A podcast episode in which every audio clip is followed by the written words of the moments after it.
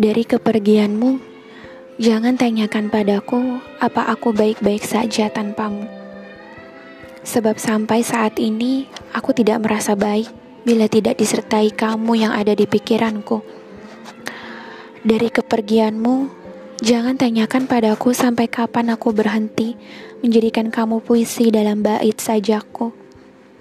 Sebab sampai saat ini, kamu yang melatar belakangi dan selalu menjadi gagasan utama mengapa bait-bait sajak itu selalu terlahir dengan aksara yang indah.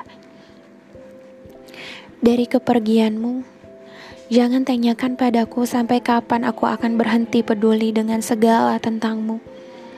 Sebab sampai saat ini, kamu masih terus kusiasati. Entah bagaimanapun cara ku tanyakan dan mencari tahu segala hal tentangmu, kabarmu dan keadaanmu dari kepergianmu, jangan tanyakan padaku kapan aku akan move on dan berhenti berharap padamu. Sebab sampai saat ini, selama kamu belum menentukan pilihan dan menambatkan hati kepada yang lain, aku tak akan pernah berhenti untuk berdoa dan mencintaimu berharap agar selalu ada kesempatan untuk aku yang hanya dapat kau tambatkan hati. Dari kepergianmu, jangan tanyakan padaku sampai kapan aku akan berhenti untuk menulis segala tentang kamu.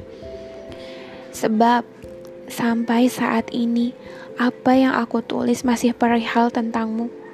Meski perih menjadi kawan dan kenangan menjadi lawan mainku dalam menuliskan tentangmu.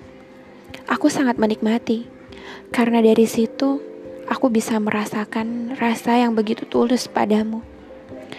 Dan dari semenjak kepergianmu, bagiku tidak ada yang lebih indah selain mengenangmu di tengah sepi, di tengah sunyi, di tengah-tengah malam saat bermimpi, dan ternyata itu tentang kamu.